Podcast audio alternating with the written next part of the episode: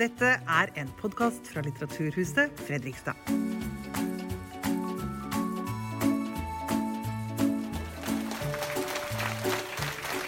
Er vi norske nok nå?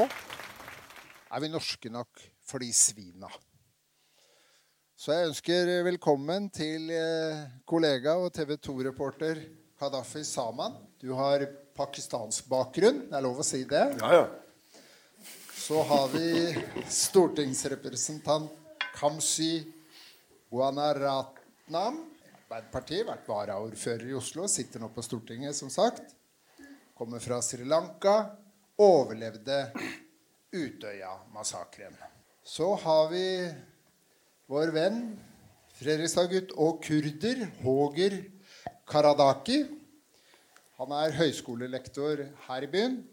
Og deltar også mye i debatten om integrering og om utenforskap. Så har vi min store helt her i byen, Erik Kruse.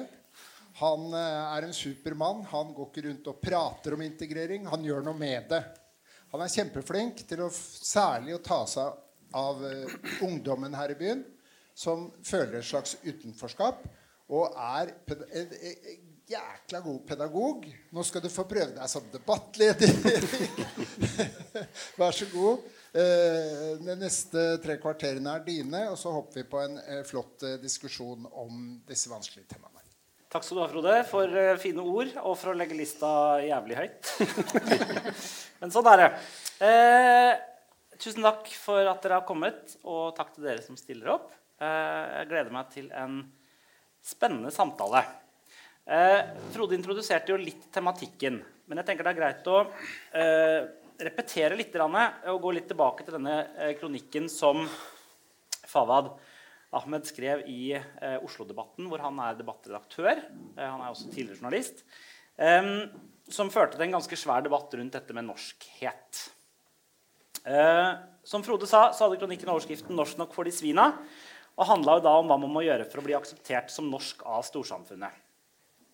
Hvor mye av din egen identitet er du villig til å gi slipp på for å innfri, forventningene andre nordmenn har til innvandrere og innvandrerbarn? Er det egentlig viktig at nye nordmenn står på ski, spiser brunost og går i bunad og tenker og mener eh, som, de har, som, de som har bodd i landet i generasjoner? Så Det er liksom bakteppet. Eh, vi tar litt prat her oppe på scenen, og så tenker jeg at vi åpner opp for litt spørsmål og refleksjoner fra salen etter hvert. Så håper dere har lyst til å være med på det. Håger. Det er meg. Det er deg. I tillegg til det Frode sa. Du har jobba med voksenopplæring på FRIS. Mm. Eh, Fredrikstad internasjonale skole. Mm. Og sånn sett vært veldig tett på manges integreringsprosesser og ankomster til Fredrikstad. Mm. Eh, du er engasjert i integrering, negativ sosial kontroll og alt som hører til. Og jobber jo også med det på høyskolen som mm. fagtema. Eh, du kom til Norge fra Nord-Irak i 1999. Mm. Da var du 18 år gammel. Og du har skrevet i en kronikk i Fredrikstad Blad. Man kan ikke gå rundt og kreve at innvandrere skal integrere seg, eller tenke hvordan vi skal integrere dem. Vi må integrere oss i det norske samfunnet. Vi må gi slipp på noe av det gamle og ikke være redd for det nye. Dette krever åpenhet og aksept om at vi lever i et mangfoldig samfunn, og det krever endringer. Med dette bakteppet om norskhet, hvordan vil du kategorisere deg sjøl og hvordan sjonglerer du dette gamle og nye som du snakker om? Det er jo veldig godt spørsmål. For jeg, eh, jeg, er jo, jeg, jeg, er ikke opptatt av etnisitet. Ikke i det hele tatt. Jeg er ikke opptatt av å definere meg som norsk eller kurder. Når jeg blir definert eller uh, presentert som kurder, så er det greit. Hvis jeg blir presentert som norsk, så er det greit. Jeg selv er opptatt av å være meg selv og stå for eh, mine egne handlinger. Og så får det være opp til de andre hvordan de vurderer meg, hvordan de eh, vil definere meg. For jeg tror at de som er veldig opptatt av definisjoner av mennesker, de har en agenda. Det får de holde på med. Jeg eh, går ikke med på det. Og så er det noe jeg har gått rundt og tenkt på. det er jo, Man snakker jo veldig mye om norske verdier. Og så har jeg gått rundt og spør egentlig hva er norske verdier. Jeg spør mine studenter hva er norsk kultur? De sliter med å svare på det. Jeg spør hva er norske verdier. Ja, de sliter jo også å svare på det. Nå sitter noen i salen, og så spør jeg eh, vil dere tenke på sånn som Abid Raja sier, likestilling, likeverd, rettferdighet. Og så rister jeg på hodet. Men er det norske verdier, eller er det universelle verdier? Og så må jeg være norsk for å ha disse verdiene. Eller kan jeg ha disse verdiene og være kurder? Og jeg tenker at Når vi har så mye fokus på dette her med norsk og norskhet, så glemmer vi egentlig at vi bor i en stor verden hvor andre mennesker i andre deler av verden har samme verdier som vi har i Norge. Så jeg har lurt på at hvis jeg noen gang sier at mine norske verdier er likestilling, likeverd og rettferdighet Hvis jeg flytter tilbake til Kurdistan, og så bor jeg der i Nå har jeg bodd i Norge i 23 år, og så bor jeg der 23 år, og så har jeg disse verdiene. Hvordan vil de definere meg her i Norge? Jeg har norsk pass. Jeg er norsk. Sånn sett. Vil de si til meg nei, du bor i Kurdistan, du er ikke kurder, du er norsk? Så jeg har gått rundt og, og, tenkt ganske mye på dette her. Og jeg tenker jo at nordmenn bør endre sine holdninger i forhold til nettopp dette her. Og akseptere mennesker sånn som de er. Og jeg sier at jeg representerer verken norsk kultur eller kurdisk kultur. Jeg representerer Håger. Og så er det sånn at jeg pleier å si jeg har ingen kultur. Jeg har faktisk ikke kultur. Det jeg gjør, handler og eh, tenker, det er min kultur. Definer meg ut ifra det. Så enkelt er det hos meg. Det er hogger. Men jeg er bekymra for barna mine. Hvorfor det? Nei, altså La oss tenke på politikerne. Politikere de definerer jo altså Barnet ditt han er født på Kalnes. Han er norsk. Sønnen min Leon er født på Kalnes. Han er ikke norsk. Han defineres som norskfødt med innvandrerbakgrunn. Og så tenker jeg, Hvor lenge skal han gå rundt og tenke på om han er norsk eller kurder? Hvorfor kan ikke han definere seg selv? På 17. mai-toget så står han foran meg og så løfter han hodet og sier, 'Pappa, det var norske flagg. Hipp, hipp, hurra. Norge og norsk.' Og så sier han, 'Pappa, er vi norske?' Det, det spørsmålet har jeg tenkt å få, men ikke så tidlig. Hva svarte du? Da svarte jeg, gutten min, du bestemmer hva du er, og du bestemmer hva du blir. Så det får være opp til han. Jeg vet ikke. Jeg har ikke noe fasitsvar. Det er det kanskje ikke så mange av oss som har. Nei. Kadafi vokste opp i Lier utafor Drammen. Det har gått bra likevel. Jeg tror det. Eh, det, er alltid, det er alltid litt morsomt å google folk. Vi har jo truffet hverandre noen ganger før, eh, og du har jo på en måte denne TV 2-journalistmerkelappen. Men eh, du har vært politiker, politisk engasjert litt grann, i AUF Arbeiderpartiet. Og så kommer det sånne ting som ufullendte studier fra Oslo ingeniørskole. Det må også henge ved deg. Gitt ut noen bøker. Skrev en bok i 1999 som begynner å bli lenge siden, som het 'Norsk i svart-hvitt og brunt'. Eh, en multikulturell mosaikk. Og så har du nå gitt ut i 2021 eh, boka 'Den norske drømmen'. Min bestefars punjab, nyhetsjakt i farlig farvann og kjærligheten til landet vårt. Utnevnt til årets norsk-pakistaner. Så da var vi plutselig på kategorien igjen i 2010. Og så har du sagt at journalisten Kadafi er et resultat av innvandringen til Norge i boka di. Eh, Men du har jo jobba som utenriksreporter i mange land. Pakistan, eh, Afghanistan, Egypt, Jemen eh, og mange andre steder. Har det påvirka synet ditt på Norge og det norske når du på en måte har vært vekk fra det? Og i så fall på hvilken måte? Det har det. Eh, Men før det da, så, så tenker jeg at i forlengelsen av det Håger også sier, dette med norskhet og føle seg norsk eller ikke norsk, dette er jo veldig individuelt. Og for min del så var det sånn at mor og far kom fra Pakistan til Norge på 70-tallet. Eh, Og var veldig stolte pakistanere og sa at eh, opphold i Norge vil være midlertidig. Eh, De skulle reise tilbake igjen, og det skulle vi òg, ungene. Så vi ble oppdratt som pakistanere. Fikk ikke lov å snakke norsk hjemme. Snakke urdu hjemme, norsk ute. Og så, om noen år, så er det retur.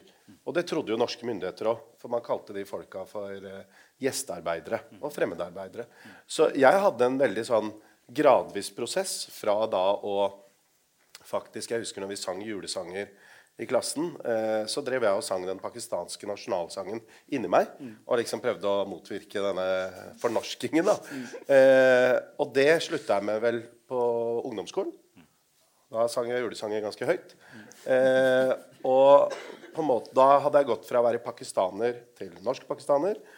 Og så under disse studietidene og litt ingeniørutdanning og litt utland og sånt, så ble også den eh, litt sånn snever. Jeg følte meg mer som verdensborger. og en muslim eh, kom vel etter dette Norsk muslim tror jeg kom etter 9-11, 2001, hvor det plutselig ble en greie. Og så har det nok vært litt sånn Nå sier jeg bare Kadafi fra Lier, punktum. Litt sånn som Håger, egentlig. at eh, men jeg er jo norsk, eh, og norsk med pakistanske røtter. Og er veldig stolt av Pakistan. Og, og det føler jeg jo når jeg nå reiser, da, eh, ikke sant, så er det jo det at man eh, savner jo Norge. Eh, og savner på en måte eh, mye av det vi har. Og jeg føler jo eh, at vi, at, vi, har mye å være stolt av. Som f.eks. Jeg mener jo at de verdiene vi har, ja, de er universelle. men i Norge så har vi liksom mye av det, og vi har mye å være stolte av. Pressefrihet, likestilling, ytringsfrihet. Så når, når vi blir fengsla eller slått i utlandet, så er det liksom Du er veldig takknemlig for at mor og far valgte Norge. da og ikke hoppe av toget i Hellas eller Romania eller noe sånt og bosatte seg der. Så jeg tror at dette er veldig individuelt, eh, denne reisen. Jeg har venner som har bodd her like lenge som meg, eh, som føler seg som 100 pakistanere fortsatt. Det må være rom for det. Altså, eh, så det, det, er ikke noe enkel eh, fasit på det spørsmålet. Men det er klart i utlandet så merker du jo det ekstra sterkt når du blir omringa av masse hissige demonstranter, og du drar fram det røde passet Norway, Norwegian Så er det liksom OK, Norge, da eh, roer de seg. Ikke sant? Så ja. Nei, jeg, jeg, jeg er veldig takknemlig altså, for, for, å være norsk. Mm. Ahmed Fawad Ashraf, um, som vi nevnte i stad, og som skrev denne kronikken, han skrev at Eh, vi mennesker er mye mer enn vår nasjonalitet og etnisitet. Ingen av oss har gått i hverandres sko eller blir formet etter samme oppskrift. Jeg er mer opptatt av hva folk bringer til bordet, og samfunnet ikke om de føler seg som norske eller ikke. Som jo resonnerer med noe av både det du og, Håger sier. Eh, og reaksjonene var eh, ganske sterke eh, fra en del hold. Eh, en finger til Norge. Det er tankeløst og farlig og signaliserer utenforskap, og Ashraf melder seg ut av samfunnet. Hvordan tenkte du da du leste kronikken om debatten som fulgte etterpå? Nei, jeg tenker jo det er veldig sunt altså at vi har en debatt om det. Og så er det jo litt sånn Jeg syns liksom folk uh, henger seg opp i mye detaljer og sånt. Og man må på en måte definere det sjøl. Hvis jeg den ene fredagen uh, har lyst til å ta en uh, pils, og den neste fredagen har lyst til å be fredagsbønn, så gjør jeg det. Det er for meg i Norge 2022. bunaden, ja, den er norsk, men i dag så er også kebaben veldig norsk. Eh? Så, så, dette her er på en måte en del av det moderne Norge. Så jeg vet ikke, jeg syns han fikk uh, ufortjent mye tyn. da. Mm. Eh, men han, og han har iallfall sørga for at nå er det en fin debatt. Det kommer en ny bok hvor du også er vel eh, bidragsyter, og jeg og mange andre, som heter 'Norsk nok'. Mm. Hvor man da diskuterer dette. og jeg, jeg føler Det er ikke noen fasit. altså Dette er det å være nordmann i dag. Det er jo ikke det. Ikke sant? Hun er norsk, jeg er norsk, du er norsk. Men vi er også pakistanske, vi er også muslimer, vi er sosialdemokrater, vi kan være liksom ateister. Alt mulig rart. Mm. Det er på en måte det moderne Norge, da. Mm. Mm. Kamzy, født på Jafna. Um, kom til Norge i 91, bodde i Hammerfest. Vokste opp i Groruddalen. Har gitt ut boka 'Din kamp er min kamp' nå i 2021 leder i 17. mai-komiteen i Oslo i 2019. Det er jo en sånn Mer norsk enn 17. mai får du vel neppe. Men det ble jo også en diskusjon eh, hvor det var en Frp-politiker som eh, lurte på om ikke det burde være noen som var kronisk norske. Så da kom det jo en, en, ny, en ny, merkelapp eh, som burde være leder i 17. mai-komiteen. Men det gikk bra, det òg. Det ble 17. mai det året òg. Ja. Um, i en kronikk som du skrev i løpet av denne debatten, så uh, skrev du Jeg har pleid å svare. Jeg er født på Sri Lanka, kom til Hammerfest som treåring, har bodd i Groruddalen siden jeg var fem år gammel. Jeg har ubevisst gått bort fra å kalle meg norsk, tror jeg. Hva tenkte du om uh, Jawad sin eh, kronikk da du leste den? Ja, det som skjer er jo at Javad i nesten to måneder prøver å få meg til å bidra i den debatten. uh, og så har jeg liksom utsatt det litt. Først fordi det ikke var tid, og så fordi det bare Jeg visste ikke hva du vet, litt sånn politikertankesett. Hva er det ene poenget mitt jeg skal få fram? Jeg fant det liksom ikke. Så ble jeg kasta inn i en debatt med Abid Raja, Fawad og Shazia Maid eh, i en debatt om dette. Eh, hvor de da, NRK-researcherne ringer og spør liksom, hva, hva er ditt standpunkt. Og så var jeg litt sånn Mitt standpunkt er litt sånn som du var inne på. at Jeg vet ikke om det er så viktig hva vi definerer oss som. Eh, kan du si det på TV? Jeg bare, ja, klart kan jeg si det på TV. Ok, så kjører vi på. Og Det som egentlig trigga meg til å skrive det, debattinnlegget, var to ting. Det ene var jo at jeg syns um, Jeg ble egentlig veldig overrasket over hvor aggressiv uh, Abid Raja var mot uh, Fawad. Uh, om at ehm, ja, Det ble sagt veldig mye saftig. Det er bare å gå og se på debatten. det ligger inne på nrk.no. Eh, men eh, det andre er også reaksjonen jeg fikk etterpå. Eh, men det, det som var Abids standpunkt om viktigheten av å kalle seg sjøl norsk, men også Shazia Mayed sitt eh, standpunkt som handlet om å utvide forståelsen av hva som skal være norsk. Det er veldig sympati for. Eh, og så er det også et generasjonsforskjell her. ikke sant? Du har eh, da de som da er ca. 10-15-20 år eldre enn meg, eh, som har stått i en annen kamp. Eh, kanskje også vært i betydelig mindretall eh, der de har vokst opp. Har ført en annen kamp enn det jeg føler behov for i dag.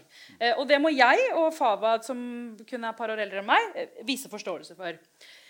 Så eh, kommer disse reaksjonene etter debatten. Eh, som da er eh, ikke sant, Hvordan våger du å ikke kalle deg norsk? og eh, Du ødelegger det store norske fellesskapet. og, eh, ikke sant, er så, Jeg har blitt anklaget for veldig mye rart i mitt liv, men det, det her var en rekke ting som synes jeg var veldig vanskelig å forholde meg til. fordi hvis jeg betal, jobber og betaler skatt, bidrar i fellesskapet, eh, og det at jeg ikke vil kalle meg norsk, eh, er noe som virkelig får folk til å liksom eh, bli så sinna, så irritert. Og så, eh, det var liksom ikke måte på hvor mye man kunne liksom ødelegge det å være i Norge. Eh, så, så lurer jeg litt på hvem er du til å sitte på en sånn definisjonsmakt eh, over meg. Og det er kanskje det jeg reagerte aller, aller mest på. at liksom, Hvorfor er dette vanskelig for deg? For det er mange som starter denne debatten med å si det her er en veldig vanskelig debatt. Så blir jeg litt sånn Nøyaktig hva er vanskelig for deg? Altså, Er det vanskelig for deg at jeg vil definere meg sjøl? Det er veldig vanskelig for meg å forstå. Eh, så det er, liksom, det er liksom det ene. at Nøyaktig hva er vanskelig? Kan noen forklare meg det? liksom? Eh, og nummer to, uh, som er liksom mitt primær liksom, forståelse av dette, er at jo mer eh, multikulturelle vi blir, uh, jo mer mangfoldige vi blir, jo mer faen kommer vi til å gi i hva vi definerer oss sjøl. Og så merker jeg også på de, de som har deltatt aktivt i denne debatten. ikke sant? Eh, sånn som eh, Kadafi også. Jeg har bodd mye utlandet. Har sett et enda større multikulturelt fellesskap der ute. Og når du kommer tilbake til Norge og da opplever liksom man kan oppleve denne debatten veldig navlebeskuende. da. Altså, Er det virkelig det viktigste for deg? Er hva jeg kaller meg sjæl som? For det er veldig mange som kaller seg selv norske og kanskje ikke gir like mye bidrag til, eh, til fellesskapet som jeg kanskje kan ramse andre mennesker på. Så på dagen i dag så er det nøyaktig 31 år siden familien min landa på Fornebu. Og, eh, og som Kadafi var inne på, så tror jeg de aller fleste ikke skulle bo her veldig, eh, veldig lenge. Eh, og, og så har man jo da, ikke sant Helene snakket jo veldig mye om i stad språk og makt og liksom maktstruktur. Eh, og det samme ikke sant, akkurat som det står mellom menn og kvinner, så gjelder det også majoritet og minoritet. At liksom din definisjonsmakt er liksom betydelig mindre. Eh, og det er det jeg har opplevd av den debatten. er At noen forteller meg at du du har ikke den samme retten til å definere hva norsk er. Så jeg har veldig sympati for Fawad sin utmelding. Um, hvis vi tar denne, eh, Det blir kanskje dårlig gjort å personifisere det, men nå er det noe på en måte Abid, Abid Raja som har på en måte tatt den ene, det ene det. standpunktet. Ja. Han tok den veldig tydelig, og, og Fawad eh, på den andre. Representerer de forskjellige perspektiver eller syn på det norske samfunnet? For når jeg leste og også så på debatten, så hører jeg jo at Abid fokuserer veldig på at Norge er et eh, likhetssamfunn, det er harmonisk, det er ganske greit. Mens Fawad bruker jo denne opplevelsen hvor han kommer tilbake fra ferie sammen med eh, en hvit etnisk norsk kompis, eh, og han blir stoppa i tollen som et eksempel på en sånn rasistisk hendelse, og, og sier jo noen om at eh, det, er det, det er det som gjør at han begynner å tenke på dette. Er jeg norsk nok, og jeg orker ikke denne, denne diskusjonen. Liksom. Um, påvirker det debatten? Altså Hvordan man ser på Norge som samfunn og eh, om det er på en måte et, eh, en, en, en utprega rasistisk praksis i landet vårt? Kadafi? Ja, nei, altså Jeg er enig med Kamzy. Jeg tror dette med generasjonsforskjell det må ikke undervurderes. fordi det er klart at Da jeg vokste opp, eller Abid og, og Shazia og mange av oss som er født på 70-tallet, vi vokste opp med Aslam Asan på norsk TV. Eh, og Khalid Salimi. Det var to stykker som var mørkhuda. Snakka gebrokkent. Og de eh, prøvde sitt beste å argumentere og diskutere med Carl I. Hagen og co. Det var på en måte det eh, vi hadde å forholde oss til. Og så eh, fikk du ikke sant, og Da ble det snakk om tvangsekteskap, og det var æresdrap, og det var sosial kontroll. og Alt det vi egentlig diskuterer litt fortsatt. Eh, som man diskuterte da. Og så fikk du da en talefør generasjon som kom seg opp og fram, eh, og som på en måte tok ordet, tok definisjonsmakten og var eh, i offentligheten.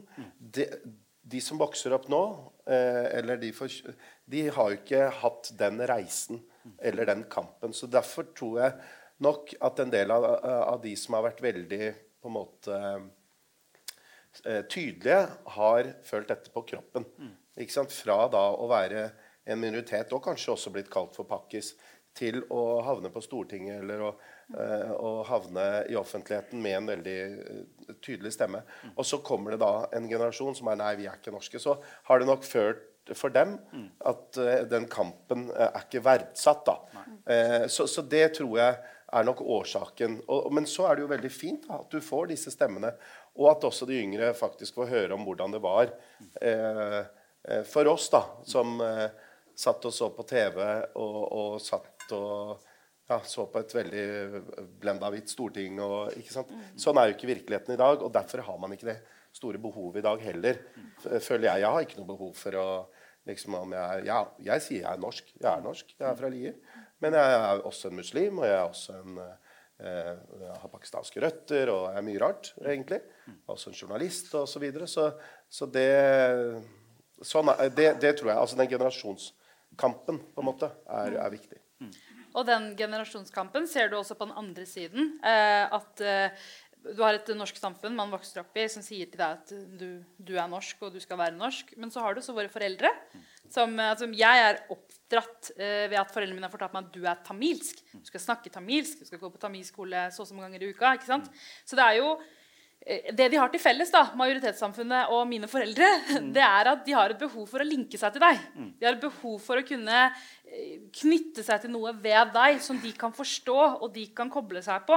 Men da blir det som du var inne på i stad, at vi er jo egentlig mer eh, en miks av, av de to samfunnene enn at vi er hele dem da, i hele oss. Mm. Nei, jeg, jeg, følger med på debatten. Jeg fulgte med på den debatten dere hadde. Jeg, hadde Abid Raja hadde vært der, så hadde jeg befalt ham å gi slipp på noe av eh, hans holdninger. Mm. Nå er det 30 år siden han startet den kampen. Vi setter pris på det. Men samfunnet har utviklet seg. Og hvis han ikke følger den utviklingen, så vil han fortsatt være der han var for 30-40 år siden. Det er akkurat som når bestefar sier til meg du, skjerp deg. Da jeg var ung, ja, da, da, du var ung, så var samfunnet helt annerledes enn det er i dag. I dag er mer... Uh, i dag kan vi reise mye mer, i dag er det mindre grenser, i dag er det mye mer tilgang til informasjon. Thomas Hyland Eriksen skriver jo om at det finnes ikke grenser i dag. Jeg kan bare ta den telefonen, og så Det tar meg ti sekunder for jeg vet hva som skjer i Libya, f.eks. Mens på 70-tallet måtte kanskje noen reise til Libya for å se. Så den samfunnsutviklingen den må Abid Raja og mange andre som har kjempet på 70-, 80- og 90-tallet, få med seg og være med på den. Eh, jeg tenker, Det ser jeg også til mine norske venner. Også, hvis, du skal, eh, hvis du skal jobbe for integreringen, så må du gi noe fra deg. Du kan ikke stå her og si jeg er norsk, jeg er norsk, jeg definerer hva som er riktig og hva som er galt, fordi jeg er en del av majoriteten. Du må også gi noe fra deg. F.eks. arbeidsgivere i samfunnet. Jeg har, sagt, jeg har skrevet om det tidligere også. Arbeidsgivere bør få kurs i det flerkulturelle samfunnet. Den fremmedfrykten som at f.eks. blant arbeidsgivere og de som leier ut boliger ute i samfunnet, den, den er jo, det er en del der. Og det påvirker jo våre ungdommer i dag i forhold til hvordan de definerer seg selv. Jeg har jobba mye med ungdommer, som du vet. Og så har jeg jo eh, forska litt på dette her. Altså, ungdommer ser i dag at de på en måte blir advokater for deres foreldre. Abid Raja har jo høy utdanning, han er kjent, og så mange andre. Leon trenger ikke å forsvare meg, gutten min. Det vet han. Jeg kan språket, jeg kan, jeg har vært... eh, Altså, jeg er en del av det, Men det finnes mange andre foreldre som ikke er en del av det samfunnet. Og så snakker de hjemme om hvordan de blir møtt av det norske samfunnet. Og da overfører en del ansvar til barna i dag. Så jeg tror det har også noe med det å gjøre. Samfunnet har utviklet seg på en måte hvor Det er litt synd å si det. Den, de begrepene andre og tredje generasjon er litt sånt, blir litt sånn som advokater for deres foreldre ute i samfunnet. Så jeg tror at den samfunnsutviklingen må vi følge med oss. Vi bor ikke i 70-tallet i dag. Eh, På 70-tallet i dag, så Hvis du er åpen rasist, så blir du dømt. Håper jeg virkelig. Men eh, det var annerledes på 70-tallet. Så jeg tror at den generasjonsperspektivet er viktig å få med. Også samfunnsutvikling for de som har tatt den kampen for oss andre. Og det setter vi stor pris på. Og det, det bør de, den tidligere generasjonen få med seg. Eh, hvis noen i salen begynner å tenke på noen ting de lurer på, så kan dere tenke litt på det. Og så har jeg lyst til å utfordre dere litt. Fordi eh, jeg regna med at dere var sånn eh, ganske enige om en del av disse tingene. Så jeg tenker at vi må få litt sånn, vi må trøkke til litt nå. Og vi har jo vært innom på en måte dette med språk, vi har vært innom kultur, religion, etnisk bakgrunn, hva nå det er for noe. Men vi har ikke snakka så mye om, om klasse eller status. I boka di Kamsi, så beskriver du jo å begynne på Oslo Handelsgym. Jeg gikk på Foss videregående og husker godt hvordan vi tenkte om de som gikk på Oslo Handels. Um, du gikk der noen år seinere, men jeg tror det var litt det samme.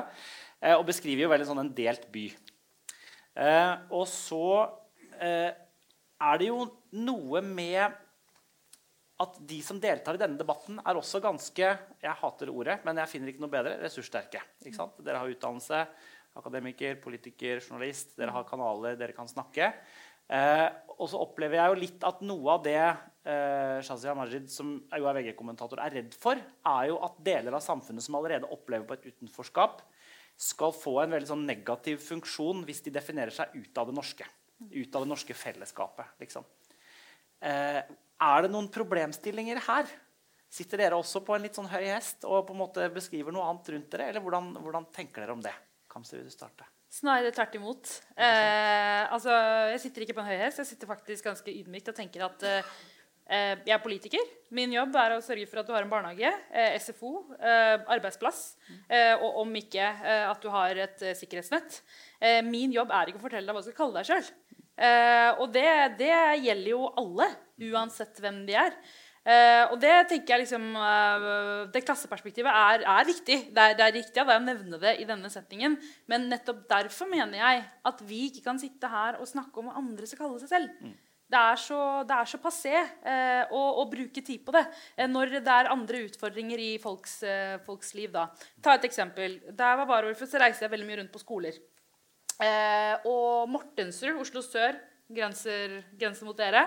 Eh, der er det en ganske multikulturell elevmasse. Og så husker jeg at, og Da holder man workshop, og så prøver man liksom å dra eh, elevene inn i samtalen. Og så pleier jeg å si sånn Du, eh, hvor er du fra? Og så peker jeg liksom i området. Liksom, hvor i området er du fra? Og så svarer liksom Libya eller Nord-Irak eller ikke sant? Så blir jeg litt sånn eh, jeg, jeg mente hvor i området er det fra? Altså Lofsrud, ikke sant? Mortens, Holmlia, ikke sant? Eh, og så etter hvert når dette skjedde noen ganger, så måtte jeg liksom bare bli hjem og bare dra noen av disse jentene og guttene igjen i klasserommet. bare sånn eh, Hvorfor svarer du meg det når vi obviously snakker om Søndre Nordstrand? Eh, og da svarte flere av de Nei, vi har slutta å kalle oss sjøl norske fordi eller, eller vi sier ikke Norge, vi snakker ikke om hvor i Norge fordi at det er ikke et akseptabelt svar. Sant? Det er et problem. Eh, da kan vi snakke om det.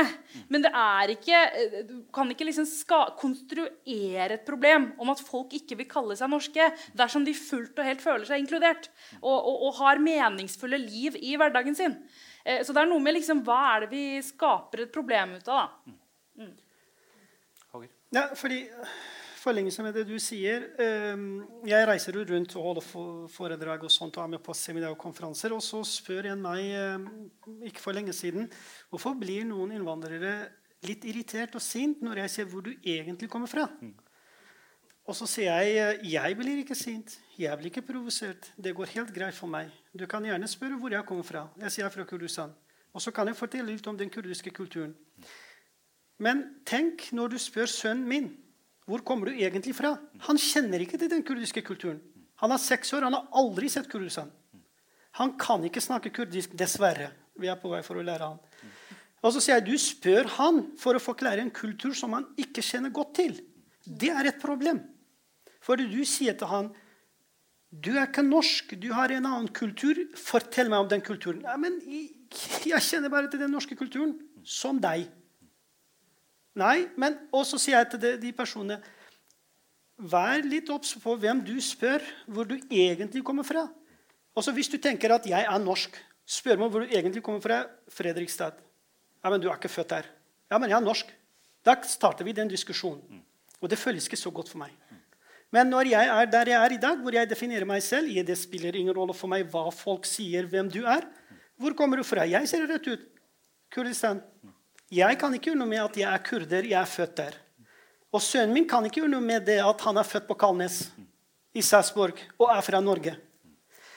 Og det, er, det ser jeg på som et problem. Når mine barn og barnebarn kommer også til å møte i det norske samfunnet. Og det syns jeg er veldig trist. Jeg får jo også av og til bli spurt da, hvor er du fra. Men jeg, da sier jeg jeg er fra Lier. Og ja, hvor er du opprinnelig fra, da? Nei, opprinnelig så er jeg født i Drammen. Mm. Eh, og så er det sånn Ja, mor og far, da? Nei, før Lier så bodde de i Heggedal i Asker. Og da er det liksom Men eh, De stopper da, liksom. Da stopper de. Da blir det liksom kleint. Men, eh, men jeg, har, altså, jeg har jo hatt en veldig, og det skriver jeg i boka, en ekstremt privilegert oppvekst uh, ute i Buskerud. hvor det var ikke noe rasisme, det var ikke noe diskriminering. og Vi var den første innvandrerfamilien i den uh, kommunen. og Eh, det var på en måte ikke noe stat eller kommune som sto for integreringa. Det var nabodammene som sa til mor på 70-tallet at uh, hvis du skal overleve her ute, så må du ha førerkort. Det er langt til butikken. Og hvis du skal uh, Vil du ha mannen din mer hjemme, han ikke jobber dobleskift, så bør du få deg en jobb. Så det var, det var, de som på en måte sto for denne her integreringen. Og det første hun lærte, fortalte hun, det var uh, Hun trilla alltid altså meg i barnevogn. og og da sa alle at 'oi, så søt datter du har'. Og det var fordi jeg var alltid kledd i rosa. Eh, hennes favorittfarge. Så både klær og bamser og sengetøy, alt var rosa. Og da var det en av disse nabodamene som sa at i Norge så bruker vi blått på gutter. Så det var hennes første leksjon. Og sånn har det på en måte vært, da. Eh, så mi, mitt altså sånn forhold til si, sjikane eller diskriminering eller sånn, det har vært som TV 2-reporter. Hvor man kanskje har blitt litt skjelt ut eh, eller opplevd ting på lufta. Mm. Eh, hvor noen har kalt meg muslimjævel, eller ja, 'hva gjør pakistanere i Norge?' Mm. Et eller annet sånt. Mm. Men ikke sånn eh, I oppveksten så har det vært helt altså, Jeg sleit virkelig med å finne hva var det verste jeg opplevde. Mm. Og Da kom jeg på at det var noen som kalte meg brunost en gang. Mm. Og da svarte jeg hvitost eh, tilbake. så som journalist vet jo jeg at det ikke er virkeligheten for de fleste. Jeg har jo lagd mange saker de uh, siste 22 åra på rasisme og diskriminering og folk som uh, opplever masse faenskap i hele landet. Men min personlige reise har vært altså den er uh, vært helt fantastisk. Og unge nå. De, jeg tror ikke de har opplevd en eneste sånn ubehagelig situasjon der ute. Mm. Og det er jo det interessante du sier for naboen. Jeg skrev en kronikk, og der skrev hva skal vi gjøre i samfunnet. Mm. Da skrev naboer er viktig. Får du en, en med en annen kulturell bakgrunn ikke se fra vinduet og, og, hvem er de, hvor kommer de fra, hva gjør de, mm. og hvorfor barn er sånn. Åpne døra, gå, bank på døra, mm. hilse. Vi er naboer. Kanskje invitere til te. Det er ikke alltid må innvandrere invitere til te. Nordmenn må også invitere til te. Mm. Eller kaffe, hvis det er noen som drikker kaffe. Eh, så det tror jeg at det du sier, er så viktig i forhold til integreringen eh, på nabolaget. Det er så viktig.